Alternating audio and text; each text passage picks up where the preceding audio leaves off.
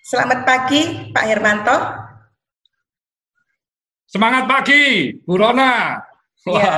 pagi yang luar biasa ini ya. Pagi yang luar biasa dan untuk saya ini pagi yang indah karena Pak Hermanto berkenan untuk saya interview hari ini. Jadi kepada Ya, kita berdiskusi aja ya.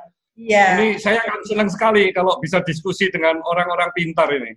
Hmm, terima kasih banyak Pak. Sebelumnya mungkin ya. saya kenalkan dulu ya Pak Hermanto. Jadi uh, pada hari okay. ini kita berkesempatan untuk berbincang dengan Pak Hermanto Tanoko, founder dan CEO Tancorp yang bidang usahanya kita semua kenal lah, Avian ya, Depo Bangunan, Cleo, Sunrise dan masih banyak lagi yang nanti akan mungkin Pak Hermanto bisa share ya Pak ya bidang usahanya. Eh, dan Pak Hermanto ya. sangat muda, jadi umurnya masih 50-an ya. Dan bersama ayahnya eh, dan di bawah Pak Hermanto ini grup Tankop ini menjadi besar dan berkembang ya. Dan uh, Avian menjadi cat nomor satu di Indonesia ya Pak ya. Dan kemudian berkembang di banyak hal. Jadi kita hari ini sangat-sangat beruntung bisa berdiskusi dengan Pak Hermanto dan saya merasa sangat terhormat sekali bisa berbincang dengan Pak Hermanto dan untuk kita share untuk dengan semua kita sehingga bisa belajar untuk membangun bisnis untuk menjadi sukses. Ya, mungkin okay. Pak Hermanto terima kasih banyak Pak atas kesempatannya. Ya, sama-sama. Uh, mungkin supaya dari pendengar kita nih lebih mengetahui mengenai background Pak Hermanto, mungkin bisa diterangkan atau mungkin diceritakan sejarahnya Pak Hermanto sampai sekarang gimana usaha catnya nggak nggak cuma cat sebetulnya Pak Hermanto mulainya juga mungkin dari yang lain ya jadi bagaimana bisa menjadi Pak Hermanto yang sekarang dan dan perjuangan Bapak untuk menjadi sampai sekarang ini eh, perjalanan sejarahnya Iya, jadi nama saya Hermanto Tanoko ya. Kalau kisah saya uh, bisa dilihat juga di Hermanto Tanoko at YouTube channel ya. Itu bisa dilihat satu persatu. Nah, kalau dengan Bu Rona ini kan kita mungkin mau diskusi tentang apa yang mau didiskusikan ya. Jadi nggak hmm. nggak mulai sejarah terus karena boring juga kalau bisa sudah dilihat di YouTube saya, silakan aja dilihat di YouTube Hermanto Tanoko ya. Yeah. Jadi uh, kalau hari ini kan saya uh, sudah sebelumnya berbincang dengan Bu Rona kan mau membahas perusahaan perusahaan-perusahaan yang uh, sudah uh, saya apa uh, jalanin sejak tahun 82 ya bulan Desember hmm. saya kan sudah bergabung di Avian Hmm. Jadi Ibu Rona mau nanya bisnis yang mana ini? Mungkin gini Pak, jadi uh, maksud saya supaya bisa paling nggak memberikan gambaran sedikit kepada pendengarnya. Ya, jadi mungkin uh, versi pendeknya lah ceritanya Pak Hermanto, sehingga mereka pada waktu kita sebelum diskusi itu ada backgroundnya sedikit mengenai Pak Hermanto oh. dan bisnisnya. Ha, jadi memang tidak yang panjang lebar seperti yang ada di Hermanto Tanoko atau mungkin udah ada di uh, di YouTube yang lain ataupun ada di corporate profilnya Tankop itu tetapi mungkin versi pendeknya supaya dari pendengar itu langsung dari uh, mendengarkan ini mendapatkan backgroundnya Pak Pak Herman. Oke, okay. ya ya. Jadi background background dari papa mama saya ini kan memang pengusaha, hmm. pengusaha yang sangat sangat uh, keras ya karena mulai kerja dari pagi sampai malam hampir 15 eh, jam sehari tanpa mengenal hari libur, jadi Sabtu Minggu pun kerja. Jadi kami sebagai anak-anaknya ini melihat melihat sosok dari orang tua yang bekerjanya begitu keras untuk anak-anaknya. Jadi hmm. kami anak-anaknya pun ini uh, sejak saya misalnya di usia lima tahun saya mulai belajar berinvestasi. Pada saat saya usia tujuh tahun, delapan tahun, saya sudah berjualan cat di toko cat setelah pulang sekolah, memang nggak setiap hari, tapi uh, seminggu bisa dua tiga kali dan tangan saya semua cat semua ini. Jadi saya memang bisa ngelayanin seluruh pelanggan dan saya mengerti tentang cat sejak saya usia 7-8 tahun. Oh. Nah, waktu saya di usia uh, eh, 14 tahun, saya sudah dikasih tantangan oleh papa saya. Jadi untuk mengelola sebuah apotek, bukan apotek yang ramai, tapi apotek yang sangat sepi satu hari cuma satu sampai dua resep saja dengan 15 karyawan. Jadi you bisa bayangin, saya di usia remaja itu pulang sekolah, saya harus memikirin pekerjaan sampai malam, dan saya biasanya belajarnya jam 4, jam 5 pagi. Dan di apotek itu, uh, pernah nih, satu ketika ini, uh, kalau jam 3 sampai jam 5 kan uh, dokter belum praktek kan sepi. Ini saya ini bawa buku PR, saya ngerjain PR di apotek. Papa saya itu tidak pernah datang, itu jam 4 bisa datang. Dia begitu lihat saya, dia langsung tanya, kamu ngapain buat PR, Pak? Kamu di sini ngapain buat PR, Pak? Loh, kamu di sini nih ngapain? Kerja, Pak. Benar. Kalau kerja, fokus di pekerjaan. Jangan buat PR. Sekarang Papa tanya, kalau ada pembeli masuk, kamu mau nulis hasil PR kamu, kamu nulis dulu atau langsung berdiri ngelayanin pembeli? Nulis dulu, Pak. Itu yang tidak boleh. Kamu di apotek, kalau apotek sepi, pikir gimana caranya apotek itu bisa rame. Lihat obat-obat yang mau expired itu mana saja. Waduh, jadi saya benar-benar waktu itu uh, satu apa ya uh, pelajaran yang saya tidak mungkin lupakan dan setiap hari saya melihat itu obat-obat mulai dari rak satu, rak dua terus setiap hari sehingga akhirnya di kepala saya ini uh, kartu stok obat itu saya hafal tanpa melihat kartu stok. Hmm. Jadi ya itulah pelajaran di awal waktu saya remaja sudah dididik bekerja sehingga pada usia saya 20 tahun saya diminta untuk uh, membantu papa di Avian saya sudah sangat siap karena memang mentalnya saya ini sudah mental bisnis mulai dari kecil ya. Dan apa pun yang saya kerjakan, itu saya selalu mempunyai mimpi yang besar, think big. Saya mau jadi nomor satu. Saya selalu mau nomor, nomor satu. Jadi pada waktu saya di Avian pun, diajak papa ke Avian, saya kan melihat, waduh, Avian ini pagar aja masih belum ada. Nyampur cat masih pakai dayung. Dan yang hebat lagi, lab aja nggak ada. Jadi tanpa lab. Saya ngomong sama Papa, Pak, Papa ini mimpinya apa, Pak? Avian ini mau ke mana?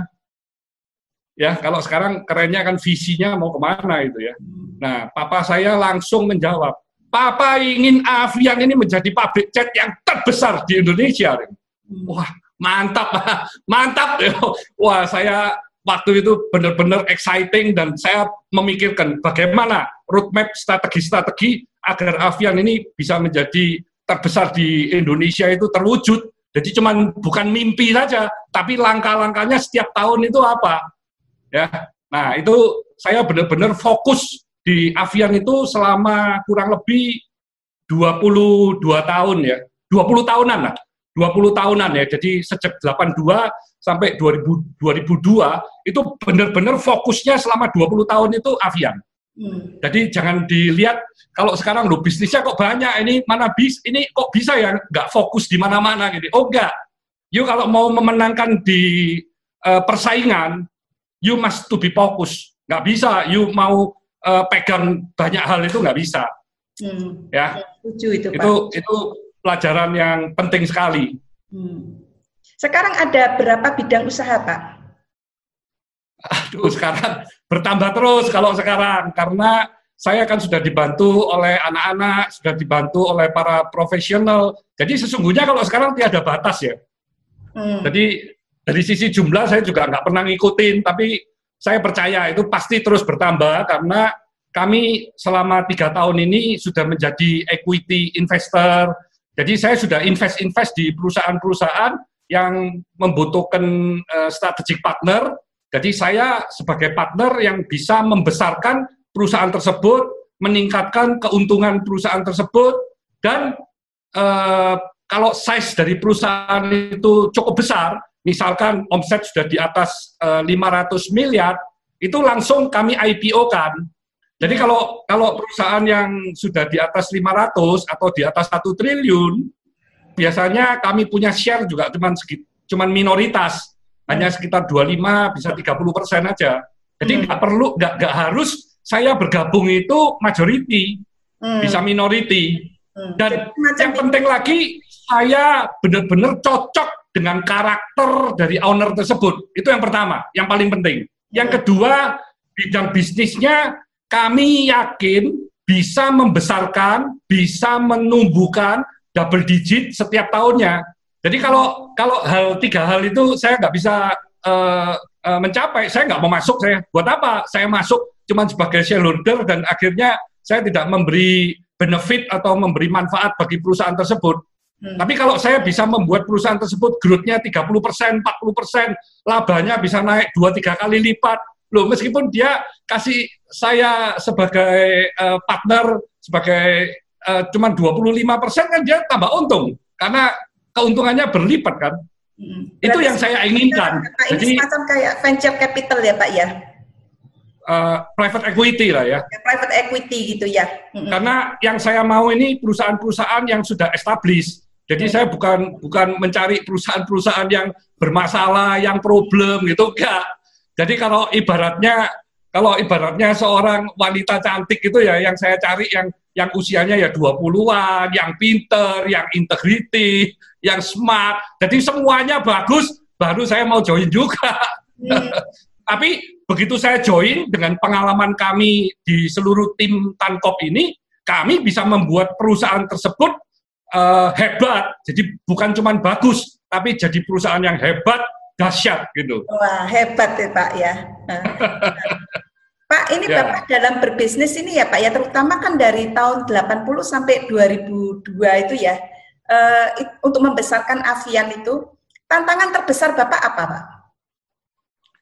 SDM. SDM. Kalau menurut saya di mana-mana hmm. itu tantangan terbesar itu di SDM.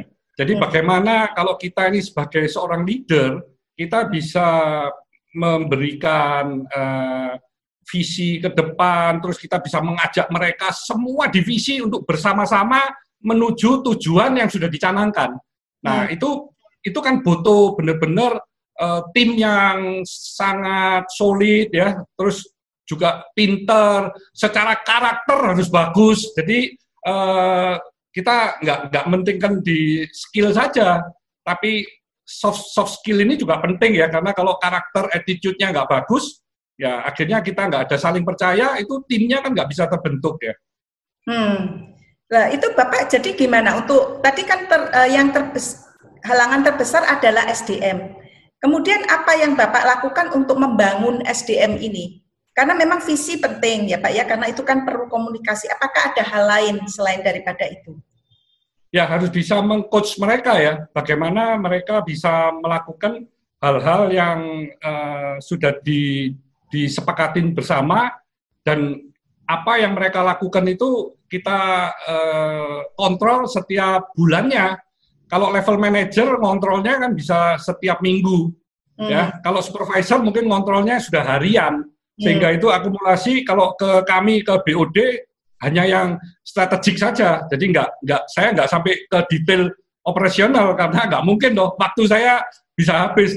Sekarang aja saya meeting jam 8 bisa sampai jam 7, jam 6 malam ini. Non-stop ini. Hmm. Non-stop cuma berganti terus ini anunya uh, tematik-tematiknya ini. Temanya iya. ya. Hmm.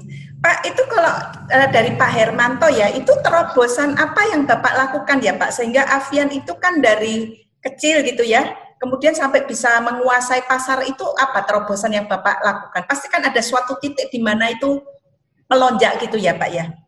Ya, jadi Avian ini memang dari perusahaan home industry ya. Dulu waktu papa saya pertama kali start beli titanium itu aja cuma 25 kilo dan itu pun harus bawa uang tunai baru barangnya bisa kami dapatkan. Jadi yuk lihat itu per, betapa betapa uh, menderitanya memang perusahaan yang kecil itu ya. Dan uh, kalau saat ini titanium dioksida itu kita pakainya sudah 500 ton sampai 600 ton itu sebulannya ya. Yuk bayangin itu naiknya berapa puluh ribu kali lipat itu ya. Dan waktu saya gabung pun, saya kadang kalau lihat di proses produksi, saya ingin menekan bagaimana nih ya, kos kami ini bisa yang terbaik dibandingkan dengan perusahaan-perusahaan uh, yang sudah terbesar di Indonesia pada saat itu. Itu kan tantangan yang tidak mudah. Kenapa? Hmm. Karena kami punya kapasiti masih kecil. Jadi seperti drum, drum, drumnya bahan baku resin, itu kalau resinnya sudah dituang, di dalam itu kan masih ada itu. Itu saya sampai berpikir gimana nih cara ngambil sekitar dua on, tiga on resin yang ada di dalam drum itu. Kami cuci, kami cuci, kami kocok, terus kami uh, tuang dalam waktu satu hari, besoknya terus kami bersihkan lagi. Jadi benar-benar drumnya itu jadi drum bersih. Hmm. Nah begitu sudah drumnya bersih, kita mulai berpikir, wah ini drumnya jadi bersih baru kembali ini. Oh gimana nih cara menjual drum ini supaya bisa memberikan kita value lagi. Oh, dicat ulang aja, oh kita banyak cat. Luarnya dicat, oh jadi baru nih. Jadi kita bisa menjual drum dengan harga yang sangat bagus. Dan akhirnya karena banyak uh, produsen yang saat itu membutuhkan drum, kita kalau uh, lagi nggak ada kerjaan, bisa bikin drum kosong, kita jual ke mereka. Jadi kita melakukan segala macam hal. Dan resin itu tadi yang selalu menghantui pikiran saya, kita begitu pemakaiannya mulai lebih banyak, mulai 5 ton, mulai 10 ton, 20 ton, waduh itu resin di dalam drum ini menghantui saya terus, sehingga pada tahun 86 itu saya berinisiatif membuat resin sendiri. Padahal nggak ada itu, pabrik cat di dunia itu nggak ada yang buat resin sendiri. Pabrik cat ya cuma mengaduk cat, tapi saya ingin membuat bahan baku dari cat, bahan baku utama. Itu saya ke Korea, saya beli tiga reaktor. Tiga reaktor itu yang satu untuk alkit, uh, solvent base, yang satu emulsion resin, yang satu akrilik akrilik resin, yang solvent base. Tiga reaktor ini uh, kami deal, tapi dengan catatan mereka harus mengajarin saya membuat semua macam resin yang bisa kami pakai di Indonesia. Wah, itu pelajaran yang luar biasa karena kami teknologinya cat itu langsung kami sudah yang paling atas kan waktu tahun 80 produksinya mulai tahun 88 akhirnya. Itu kami sudah yang paling atas di antara perusahaan yang lain karena kami mengelola resin sendiri dan semuanya pakai pipa. Pipanya dipakai selama bertahun-tahun jadi nggak ada yang hilang langsung ke pabrik. Jadi kita ngurangin drum ngurangi transportation dan secara cost lebih murah karena buat resin sendiri kami beli bahan bakunya resin kan. Nah, Pertamina juga mensupport dengan solvent yang harganya juga very spesial untuk kami. Jadi uh, Avian pada waktu itu secara cost kami the best. Jadi saya waktu promosi ke sales ke seluruh pelanggan-pelanggan kami, kami selalu ngomong kalau kamu pakai cat Avian, kalau harganya sama dengan kompetitor, kualitas kami pasti lebih bagus. Kenapa? Loh, karena saya punya kos semuanya saya buat sendiri, sedangkan mereka kan mesti beli dari orang, ya. Jadi kalau harganya Avian lebih murah, kualitasnya bisa sama itu. Hmm. Karena Jadi, kami memang secara kos lebih murah. Hmm. Jadi menurut dan, dan dari sisi volumenya resin, kebutuhan kami waktu itu kan cuma utilisasinya 30 persen. Hmm. Nah, untuk efisien itu kan harus 100 persen. Gimana nih supaya 100 persen? kami genjot catnya itu. Catnya itu digenjot supaya omsetnya bisa naik dengan cepat dua tiga kali lipat, tapi belum naik dua tiga kali lipat, saya sudah produksi resin sendiri. Jadi hmm. yuk bayangin, kita dalam waktu satu dua tahun kemudian sudah membuat reaktor sendiri di Indonesia. Jadi saya kopi, saya membuat lagi tiga lagi, jadi enam. Hmm. Dalam waktu yang relatif singkat. Jadi kami itu kejar-kejaran antara sales dan uh, di kapasiti produksi yang terus saya kembangkan. Nah ini yang membuat Avian ini uh, uh, cepat sekali pertumbuhannya dari tahun ke tahun. Jadi mulai Papa uh, di tahun 78 sampai hari ini Avian itu bangun terus tidak pernah berhenti. Hmm, yeah. Era pandemi ini pun masih bangun ini. Jadi kami nggak pernah berhenti, yeah. non-stop sampai sekarang memang bertumbuh terus ya Pak. Pak kalau bisa ya. saya rangkum ya Pak ya, tadi da, jadi dari terobosan Bapak itu adalah satu dari cost ya Pak ya, dari cost efisiensi. Berarti kan Bapak uh, basically melakukan vertical integration lah ya. Berarti dari hilir ya. dulu kan ya, itu ya. satu. Ya. Uh, kemudian uh, itu satu yang utama. Tetapi kalau saya ingat ya Pak, dulu waktu saya kecil itu Avian itu ada mengeluarkan dan menurut saya itu yang bikin Avian booming yaitu undian yang satu miliar kalau nggak salah ya Pak ya, yang waktu untuk marketingnya itu. Nah, oh itu sudah besar, maksudnya itu sudah besar. Ya. Sudah besar, itu kan setelah Chris Krismon. Oh itu setelah Krismon ya Pak ya itu ya? Setelah Krismon, iya. Yang sangat apa me, meng, me, apa yang inget di di otak karena kayaknya waktu itu satu miliar itu kan besar sekali ya. Jadi melakukan undian yang satu miliar itu marketnya juga menjadi jauh, jauh lebih besar lagi ya Pak ya dengan adanya yang marketing yang satu miliar itu undian itu.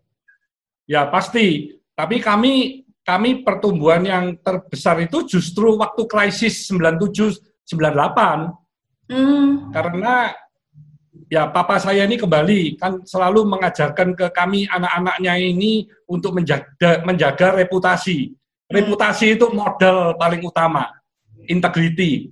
Nah, di sana kami itu eh, di waktu menjalankan perusahaan-perusahaan itu tidak mau sama sekali berhutang dalam mata uang US dollar atau mata uang asing. Kenapa? Karena kami tahu resikonya. Hmm. Jadi kalau kami punya pendapatan itu rupiah, sedangkan kami itu tamak, tamak greedy untuk meminjam US dollar karena bunganya terpaut pada saat itu bisa 15 persen. Jadi kalau you uh, hedging pun, you masih bisa mungkin bisa untung ya, tapi kami ngomong udahlah nggak usah lah kita nggak usah pinjam US dollar karena nanti kita jadi spekulan, kita nggak fokus di kerjaan, lebih baik kita fokus kerjaan ya utang ya kalau memang perlu utang ya utang rupiah saja karena itu yang paling aman sehingga waktu krisis terjadi kami tidak mengalami masalah apa-apa, kami fokus untuk membesarkan market, sedangkan para kompetitor banyak yang financial problem kan. Nah hmm. itu growth-nya kami justru cepat sekali dan kita bisa ekspansi ke Jakarta, ekspansi ke mana-mana, mendirikan distribution company, sehingga saat ini Avian uh, sudah punya 93 distribution di seluruh Indonesia dengan 2000 sekitar 2500 sales force dan seluruh salesman, uh, driver semuanya sudah membawa gadget yang bisa tahu stok kami itu uh, ada berapa dan bisa langsung di lock, bisa di orderin. Hmm. Pak itu tadi kan kalau salah satu terobosannya itu cost ya Pak ya tadi itu.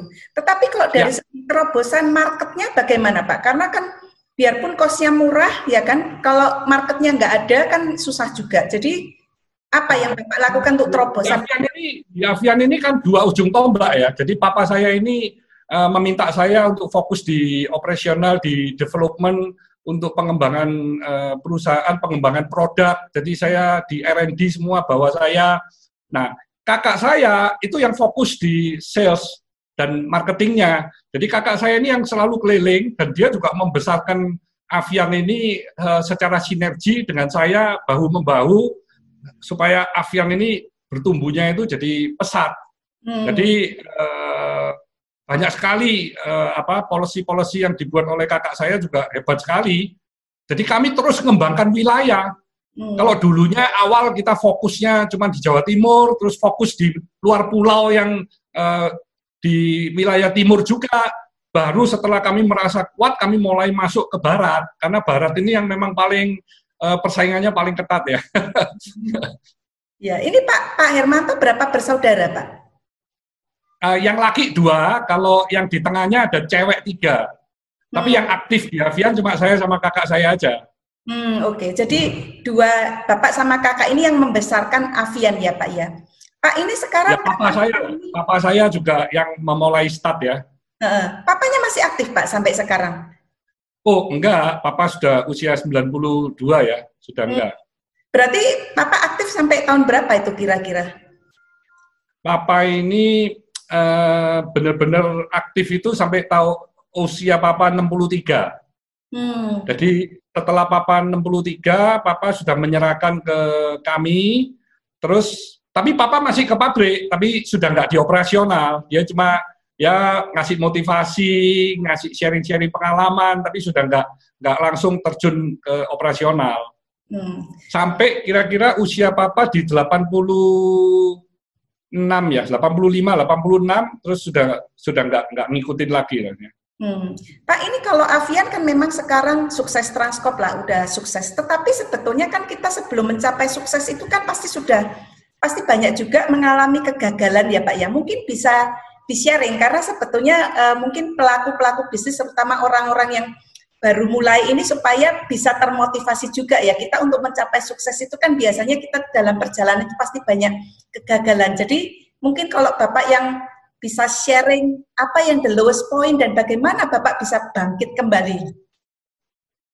Itu di tahun 88, hmm. waktu itu kami uh, selain invest resin, itu kami juga invest uh, pabrik kayu yang ekspor ke Jepang, terus invest pabrik disket ekspor ke Singapura, terus ada buat pabrik kulit yang ekspor ke Taiwan.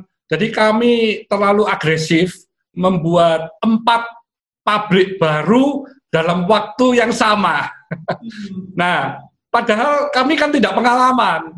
Kulit nggak pengalaman, disket nggak pengalaman, terus kayu juga nggak pengalaman, sehingga kami benar-benar suffer di tiga perusahaan tersebut dari mulai pabrik uh, berjalan, nggak pernah bisa untung, rugi terus, dan uh, yang untung cuma resin, karena resinnya ini kan integrated dari prosesnya Avian ya. Jadi akhirnya kami satu-satu kami tutup, dan itu memang satu kegagalan yang menurut kami tidak boleh diulang. Jadi kami benar-benar fokus dengan apa yang kami ketahui dan kami pahami. Tapi kalau bisnis-bisnis yang di luar itu biasanya kami sudah nggak mau masuk dari sekarang. Hmm. Jadi intinya dari Bapak itu supaya kita berbisnis itu fokus ya Pak ya. Jadi jangan mengembangkan kemacetan.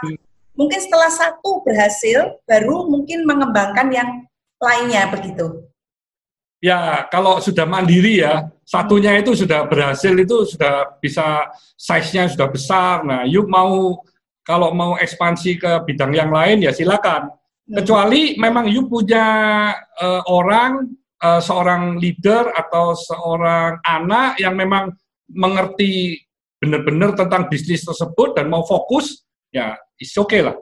Menurut saya bidang apa pun kalau kita benar-benar fokus, Ya mungkin kalau kompetitornya ini sangat besar, sangat kuat, uh, market share-nya juga besar. Nah, yuk untuk ngambil bisnis dari kompetitor yang seperti ini, itu kan yuk butuh effort. Nah, hmm. effortnya itu mungkin bisa lima tahun yuk rugi, bisa lebih dari lima tahun yuk rugi. Yuk mau nggak? Pilihan ini kan banyak. Hmm. Kecuali kita memang eager untuk masuk dan kita nggak peduli meskipun rugi. Nah itu ada juga bisnis yang seperti itu ya. Sekarang konglomerat-konglomerat di Indonesia ada beberapa ini kan taktiknya seperti itu. Kalau dia melihat satu bidang yang bagus, dia sudah nggak peduli. Kompetitornya mau kuat mau apa, dia tetap masuk. Tapi dia sudah memperhitungkan kalau dia ini akan rugi selama berapa tahun. Yang penting dia dapat market share-nya. Nah, setelah itu mereka akan berupaya untuk untuk uh, uh, apa mendapatkan keuntungan kalau sudah market share-nya itu cukup besar. Berarti kan mesti ada cash cow-nya dulu lah ya Pak ya di perusahaan kan berarti oh, ada iya. yang bisa mensupport untuk kerugian itu. Ini kalau Betul. Yang, kan Bapak yang ceritakan ke kegagalan di luar bisnis bisnis utama ya Pak ya, jadi mencabangnya ke macam-macam. Ya. Tetapi di bisnis utamanya sendiri di Avian itu Menurut Bapak apa itu yang Bapak pernah alami kegagalan atau the lowest point gitu yang yang membuat Bapak itu akhirnya bisa bangkit kembali? Gak ada ya. Jadi kami memang uh, Avian itu bertumbuh terus, nggak pernah kami nggak pernah turun. Yuk tadi sudah saya omongin, Avian bangun mulai 78 sampai sekarang ini nggak pernah berhenti itu bangunnya itu. Hmm. Bangun, invest, beli mesin terus nggak pernah berhenti. Sekarang aja Avian lagi um, bangun sebuah laboratorium seluas 5.000 meter persegi, 5 lantai, investasi 100 miliar hanya untuk lab. Hmm. Yuk bayangin. Hmm. Ya, karena saya merasa kita ini sudah menjadi uh, yang terbesar, kita harus menjadi pioner. Bagaimana kita bisa menciptakan eh, produk-produk uh, yang bisa mendapatkan paten sehingga perusahaan-perusahaan lain tidak bisa sekedar mengikuti saja Hmm, ya, mungkin uh, bisa di-share Pak itu kiat suksesnya itu tadi yang Bapak jadi uh, boleh dibilang Avian kan boleh dibilang sukses tanpa banyak mengalami halangan. Mungkin bisa di-share itu kiat-kiat suksesnya Pak. Ya, simpel saja lah. You mesti harus punya goal Nah, goal itu kalau saat ini pun ya dibuat tiga tahun sekali saja. Nah, kalau sudah mempunyai goal, otomatis kita juga membuat strategi-strategi apa supaya bisa mencapai goal tersebut. Nah, strategi-strateginya ini kalau ada diferensiasi, ada perbedaan segala, itu usahakan yang tidak gampang ditiru oleh kompetitor. Sehingga kita punya growth itu tadi bisa terus bertumbuhnya itu signifikan. Dan begitu uh, destination statement tahun ini tercapai, tahun depan ya pasti tercapai lagi. Tahun ketiga sudah kita sudah buat another three years ahead. Hmm. Jadi ya itu terus-menerus begitu saja. Dan kontrol di action plan juga jangan lupa karena meeting di bulanannya juga kita ikutin apa roadmap semuanya itu sudah dijalankan dengan seluruh tim dengan benar. Kalau nggak benar ya berarti ada strategi-strategi yang uh, berubah. Misalnya di Indonesia sekarang terjadi pandemi. Apa nih strategi-strategi untuk menghadapi pandemi ini? Apa yang mesti kita lakukan? Nah, itu yang harus di, disusun strateginya yang yang hebat supaya kita bisa tetap on the track. Jadi nggak hanya survival, tapi kita juga masih bisa growth. Hmm. Itu mungkin bisa di-share Pak itu Pak strateginya menghadapi pandemi itu. Ya kalau ada yang berminat ya ajak kami sebagai strategic partner aja. secara, secara gambaran aja supaya mungkin kita bisa ini apa mendapatkan sedikit masukan dari insight dari Pak Hermanto itu. Loh, itu tergantung dari masing-masing bisnis ya. Kita nggak bisa ngomong kan ya. Jadi hmm. ya you you cek aja SWOT analisa dibandingkan dengan kompetitor dari dari strength yang kita miliki, dari weakness weakness yang kita miliki bisa nggak dijadikan strength? Terus kalau ada opportunity itu apa yang bisa diambil dalam uh, pandemi ini? Dan yang paling penting lagi action untuk eksekusinya itu harus cepat. Hmm. Jadi nggak bisa mikirin strategi-strategi yang hebat-hebat, tapi habis itu mutar-mutar, mutar-mutar, mutar-mutar nggak jalan-jalan. Hmm. Ya, yeah. sudah berubah lagi. Karena ini perubahan ini kan mungkin sudah bisa harian loh. Jadi bukan bulanan sudahan. Jadi kalau you keputusannya terlalu lambat, ya kadang kadang sudah berubah lagi nih kondisinya kan. Pak itu kalau dilihat gini, kalau yang Avian itu kan jelas tadi mau menjadi perusahaan cat yang terbesar di Indonesia. Tetapi sekarang dengan Tankop ini kan sudah bercabang ke banyak bidang.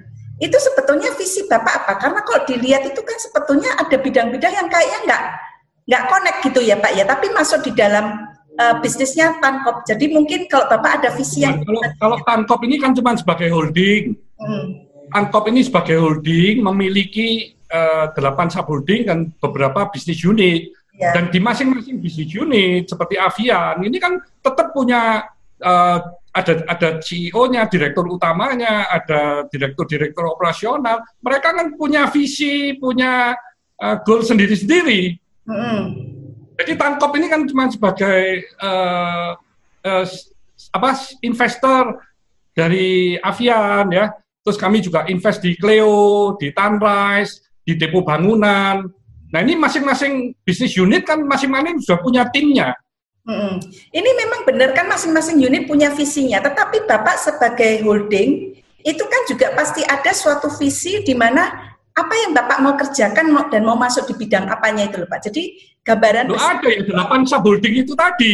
Hmm. Kan kami sudah punya delapan subholding. Hmm. Jadi kalau sekarang ada ujuk-ujuk ada orang datang, Pak, saya punya tambang ini bagus gini gini gini gini. Oh no, saya nggak lah, saya nggak masuk, saya nggak ada nih. Saya punya, saya nggak ngerti itu kalau tambang, saya nggak akan mau masuk. Hmm, Oke, okay. jadi maksudnya Bapak sekarang ini yang dari delapan bisnis usaha itu sudah fix lah ceritanya. Uh, ini mungkin tidak akan bertambah lagi. Jadi selama bisa fit in di dalam delapan uh, eh, SBU itu tadi, bisnis usaha itu Bapak mungkin baru tertarik. Kalau di luar itu Bapak nggak tertarik gitu ya Pak ya? Tergantung. Hmm sampai seberapa jauh hmm. kalau ada related karena kalau kalau kalau you sebagai orang luar kan lihat bapak ini bisnisnya macam-macam nggak related loh padahal sesungguhnya semuanya related bagi saya Memang contoh kan, misalnya hmm. contoh misalnya waktu saya 20 tahun kembangkan Avian akhirnya kami punya pabrik resin kami punya pabrik kemasan kami punya pabrik kalsium karbonat punya pabrik editif punya distribution company yang semuanya menunjang Avian hmm. tapi e, karena kami ekspansi terus, akhirnya kami sering beli tanah. Nah begitu beli tanah, lihat tuh opportunity, oh tanah ini kok murah, ini kok bagus, ini lokasi bagus, murah-murah. Udah ada uang, kami invest, invest, invest. Akhirnya land banknya kan banyak. Begitu land bank banyak, loh kita bisa dong jadi developer untuk properti. Begitu jadi developer kan akhirnya karena lahan sudah banyak, ya beli lahan terus untuk di develop kan. Nah, ada lahan-lahan yang bagus. Loh ini kok bagus ya? Sayang nih kalau untuk uh, cuman untuk pabrik, cuma untuk ini, bisa untuk hotel ini. Oh, kalau gitu kita buatlah jaringan hotel. Ya udah, buat jaringan hotel. Oh, di hotel perlu ini beverage segala. Terus kita ada F&B. Oh, kita bisa nih kembangin ke F&B. Jadi sesungguhnya semuanya itu related. Jadi bukan bukan nggak related, tapi kami batasin di delapan. Nah, termasuk ada pabrik kosmetik. You nah, ngomong, loh, kosmetik nggak related, Pak. Loh, hmm. you jangan salah. Begitu saya masuk ke pabrik kosmetik, saya lihat, loh, ini pabrik kosmetik ini sama dengan pabrik cat ini. Resin juga pakai, ada pigmen, ada editif, mesin-mesinnya sama. Saya ngomong, loh ini cuma uh, industrial grade, ini kosmetik grade. Loh bagi saya, saya sangat tertarik dengan B2C. Loh kosmetik ini nggak ada habisnya. Seperti Burona, setiap hari pakai kosmetik, pakai skincare, pakai dekoratif semua. Hmm. Ngecat rumah berapa lama? Bisa-bisa lima tahun sekali. Iya kan? Hmm. Loh, ini sangat menarik. Kita ngomong, oh oke, okay, ini berarti kita bisa masuk nih, kosmetik ini kita ngerti nih, cara proses semuanya kita mengerti nih. Nah, hmm. waktu di apotek saya mengerti obat, jadi saya juga masuk pabrik obat, saya masuk pabrik herbal. Terus hmm. kita juga mendirikan perusahaan MLM, karena dengan MLM saya bisa menciptakan banyak entrepreneur, banyak wirausaha, ini kan juga termasuk dari salah satu visi saya. Hmm. Jadi ini Pak sebetulnya cerita yang saya pengen dengar dari Pak Hermanto karena kita dari pihak luar itu kan mikirnya seolah-olah kayak unrelated business, tetapi dengan ceritanya Pak Hermanto ini kan kita jadi bisa merangkai uh, pemikiran dan bagaimana akhirnya bisa bisnis itu. Ini yang sebetulnya insight yang tadi uh, saya tanyakan dan pengen tahu itu Pak. Jadi terima kasih banyak Pak sharingnya. Di awal kan saya ngomong ya, saya utarakan kalau kita ini harus fokus, kita hmm. juga harus uh, hardworking, Terus kalau punya mimpi ya mimpinya harus mimpi yang besar, tapi kita setia pada proses karena nggak ada sesuatu kesuksesan itu yang instan. Jadi kegagalan kita kita bagaimana mengantisipasi akhirnya menjadi kesuksesan, kegagalan menjadi kesuksesan. Jadi kalau ibu lihat apa ya Avian yang gagal, kita terasa loh kalau ada gagal kita rubah-rubah-rubah akhirnya sukses soalnya. Jadi nggak ada yang begitu terpuruk itu nggak ada. Kecuali perusahaan-perusahaan yang tadi saya cerita yang saya tutupin satu persatu itu ya Hmm. Jadi saya nggak merasa gagal. Kalau ibu tanya gagal kok enggak ya? Itu menurut kami itu sebuah proses. Ya kita mestinya jatuh bangun, tapi akhirnya kami berhasil di cat spray, kita berhasil di cat otomotif, kita masuk di cat wood. Ya awalnya pasti struggle, pastilah ya. Hmm. Kalau kita mau ngambil market yang dulunya kita nggak punya ya pasti kita fight kan. Mm-hmm. Jadi selalu belajar dari kegagalan kan. Jadi kita kalau dengarkan kan uh, untuk mencapai sukses kita belajar dari kegagalan ya. Tetapi kegagalannya ya. tidak kegagalan besar, tapi bisa juga dari kegagalan-kegagalan kecil yang kita pelajari ya Pak ya. Ya, ya Pak, Bu Rona, kan, mungkin sekarang saya yang bertanya ke Bu Rona aja gantian ya. Eh, saya satu lagi Pak untuk Bapak. satu, satu Setelah itu Bapak boleh tanya saya ya. Oke, okay. uh, okay. kan sekarang Avian sudah sukses Pak what's next gitu Pak?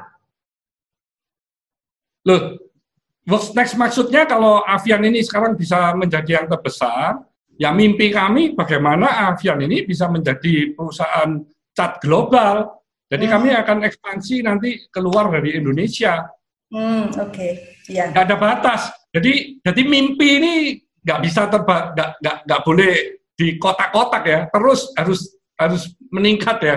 Hmm. Bagaimana kita bisa menjadi salah satu perusahaan the biggest in in Indonesia misalnya, ten, ten biggest misalnya. Hmm. Tapi udah nggak peduli itu industri apa aja, udah kita masukin semua.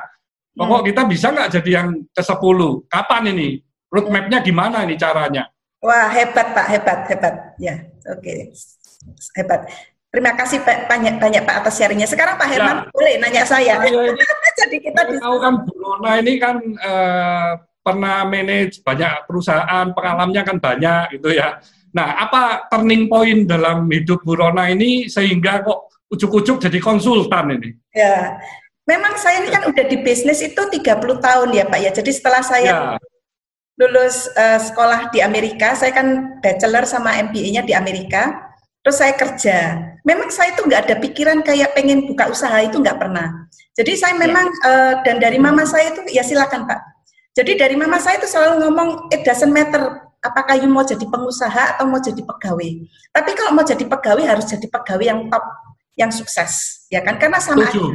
Nah, jadi kalau you memang mau jadi pengusaha, jadi pengusaha sukses. Kalau memang mau jadi pegawai, harus jadi orang yang bisa memberikan kontribusi dan menjadi yang top. Uh, jadi saya memang uh, jalur saya itu menjadi pegawai. Dan saya kalau kerja itu juga konsentrasi 100%.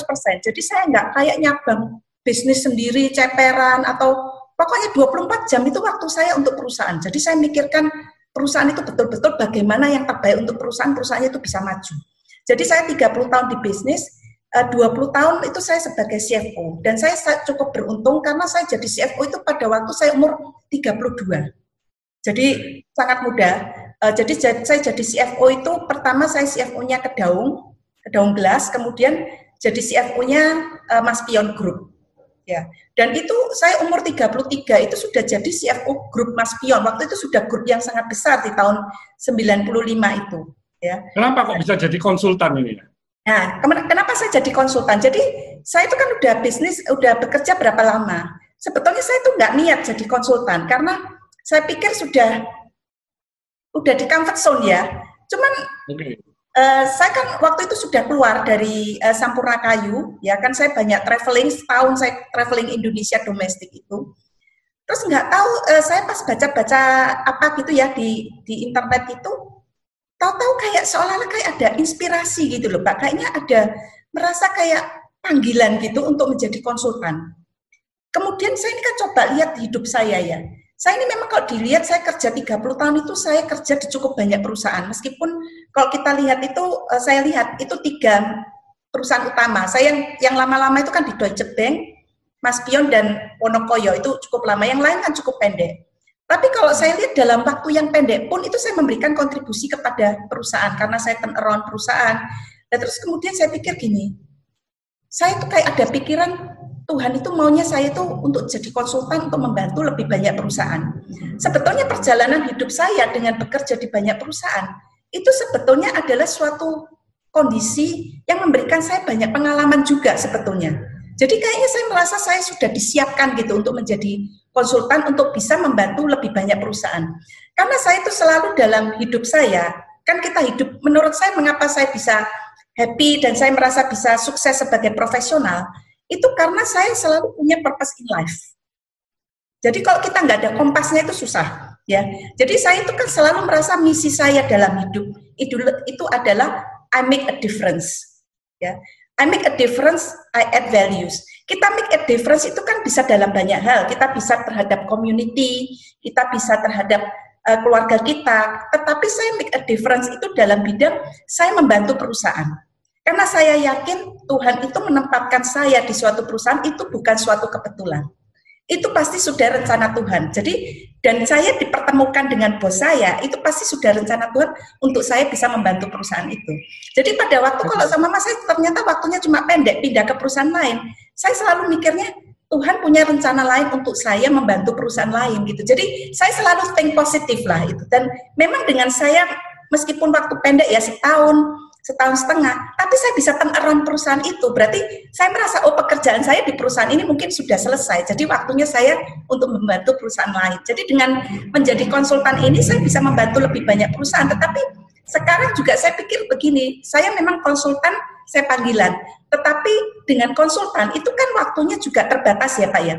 Jadi sekarang ini saya lagi ngarang buku, nulis buku, sehingga saya bisa lebih memberikan uh, pemikiran saya itu bisa membantu lebih banyak orang. Jadi baik dari pihak pengusaha maupun dari pihak profesional yang bisa membantu untuk perusahaan itu menjadi lebih baik untung gitu ya Pak ya turnaround okay. perusahaan. Hmm. Ya, hebat. Berarti Ibu usia 33 tahun jadi CFO itu kan sudah di jajaran direksi ya?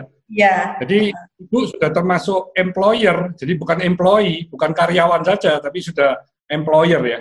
Nah, ya. Ibu manage banyak perusahaan tersebut untuk bisa menjadi sukses ya, bisa menjadi lebih sehat atau mendapatkan profit margin yang lebih tinggi. Itu ada tiga hal apa yang paling penting kalau menurut Bu Rona ya? Ya, itu tiga hal itu Pak ya. Uh, satu pertama dulu untuk perusahaan itu bisa sukses menurut saya kan harus ada bisa mengembangkan pasarnya ya Pak ya. Kemudian yang kedua harus ada visinya dan strateginya. Dan yang ketiga manajemennya ya.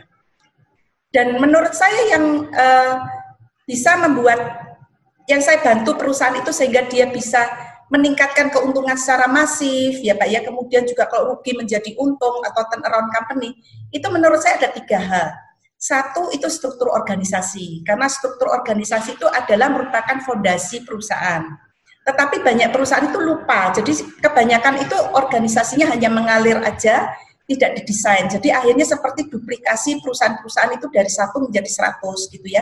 Tetapi sebetulnya itu ada organisasi atau organisasi itu harus didesain secara benar. Kemudian yang kedua Pak, itu adalah sistem dan policy. Karena menurut saya kalau kita mau untung besar atau membuat perubahan yang besar, itu harus involve di sistem dan policy. Karena kalau kita satu-satu nggak mungkin bisa, ya. Nah, jadi sistem dan policy itu yang membuat uh, seperti hujan itu turun. Jadi nggak rintik-rintik tapi bisa hujan lebat itu dari sistem dan policy. Kemudian yang ketiga itu internal control. Karena tanpa internal control yang baik itu perusahaan itu pasti banyak ke kebocorannya. Jadi sehingga nggak perusahaannya itu untungnya nggak bisa banyak. Jadi tiga hal itu menurut saya. Jadi struktur organisasi, sistem dan policy, dan juga untuk internal controlnya. Oke, okay. oke okay, bu. Hmm. Kalau uh, saya nambahkan Bu, hmm. di kalau pengalaman saya di biu-biu ya, itu yang paling penting itu leadernya Bu. Kalau leadernya itu sudah nggak benar, itu biasanya second layer maupun di bawah-bawahnya itu sudah nggak akan bisa bisa menjalankan perusahaan dengan sesuai dengan uh, visi yang sudah dicanangkan. Jadi ya. saya memang sangat uh, melihat sosok leader dari sebuah bisnis usaha. Mm-hmm. Kalau leadernya hebat, wah itu perusahaannya mendapat masalah apa pun itu tetap uh, akan uh, berlayar. Jadi ibaratnya kalau sebuah nakoda itu tergantung nakodanya itu. Kalau nakodanya sudah hebat, kita udah nggak pusing lah. Kalau ada cuaca apa pun, ya kapal itu pasti bisa sampai lah ke tujuan. Hmm, saya setuju Pak itu Pak. Hmm. Iya. Nah, itu itu sebetulnya oh, kalau, dalam struktur organisasi, Pak. Karena di struktur organisasi itu termasuk leadershipnya juga, Pak.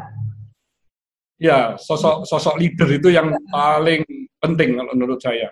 Hmm. Bu, kalau dari Bu Rona, uh, saya juga yakin Ibu pasti suka membaca buku ya. Hmm. Jadi apa Bu tiga buku favorit yang Ibu anggap itu sangat bagus dan penting sekali? Ini uh, saya ini kan baca buku cukup banyak ya Pak ya. Kalau sekarang ini terutama saya mungkin seminggu bisa baca dua buku gitu ya. Wah hebat. ya, tapi um, saya masih suka buku yang sangat klasik sebetulnya. Dan itu mungkin bukan soal buku manajemen, mungkin terutama kalau orang-orang yang baru mulai, mulai usaha, itu kan mindset mengenai keuangan itu kan sangat penting ya. Uh, jadi ya. kalau menurut saya kalau yang basicnya untuk basic untuk mindset keuangan itu adalah menurut saya The Richest Man in Babylon.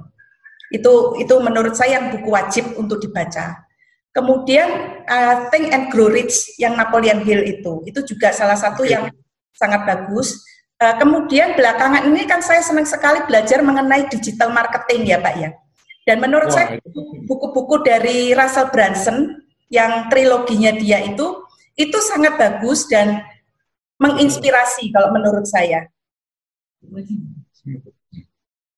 okay. hmm. kanan kanan. Berani silang lah itu. Ya. Nah, ibu kalau kalau dari ibu tadi uh, cerita mengenai uh, yang yang saya ingin tanyakan ini purpose uh, ibu ini dalam kehidupan ya. Jadi maksud saya, what is your purpose in your life? Hmm. What is your purpose of your life itu tujuan hidup ibu itu apa itu?